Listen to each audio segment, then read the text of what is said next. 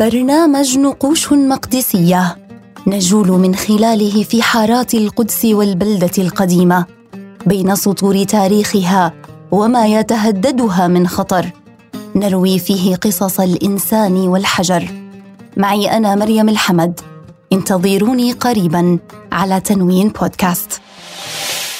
thank you